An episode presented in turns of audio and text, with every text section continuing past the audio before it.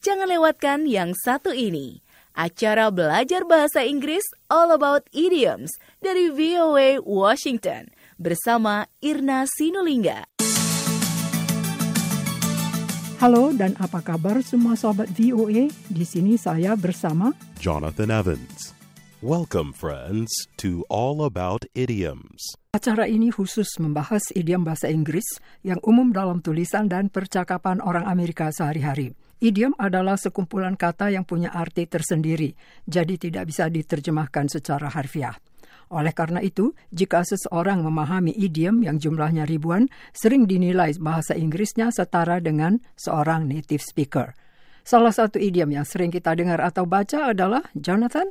Leaf through, Irna. Sekali lagi. Leaf through. Artinya membalik-balik halaman buku, majalah, atau catatan untuk melihat dan membacanya sekilas. Leaf, ejaannya L-E-A-F. Antara lain artinya daun. Dan through, ejaannya T-H-R-O-U-G-H,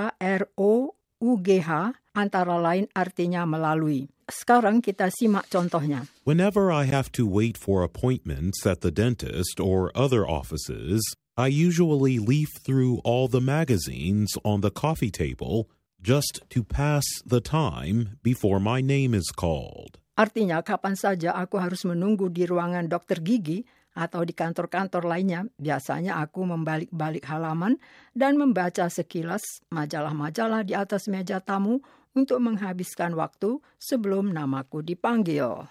Untuk lebih jelas lagi, kita simak contoh kedua dalam bentuk past tense.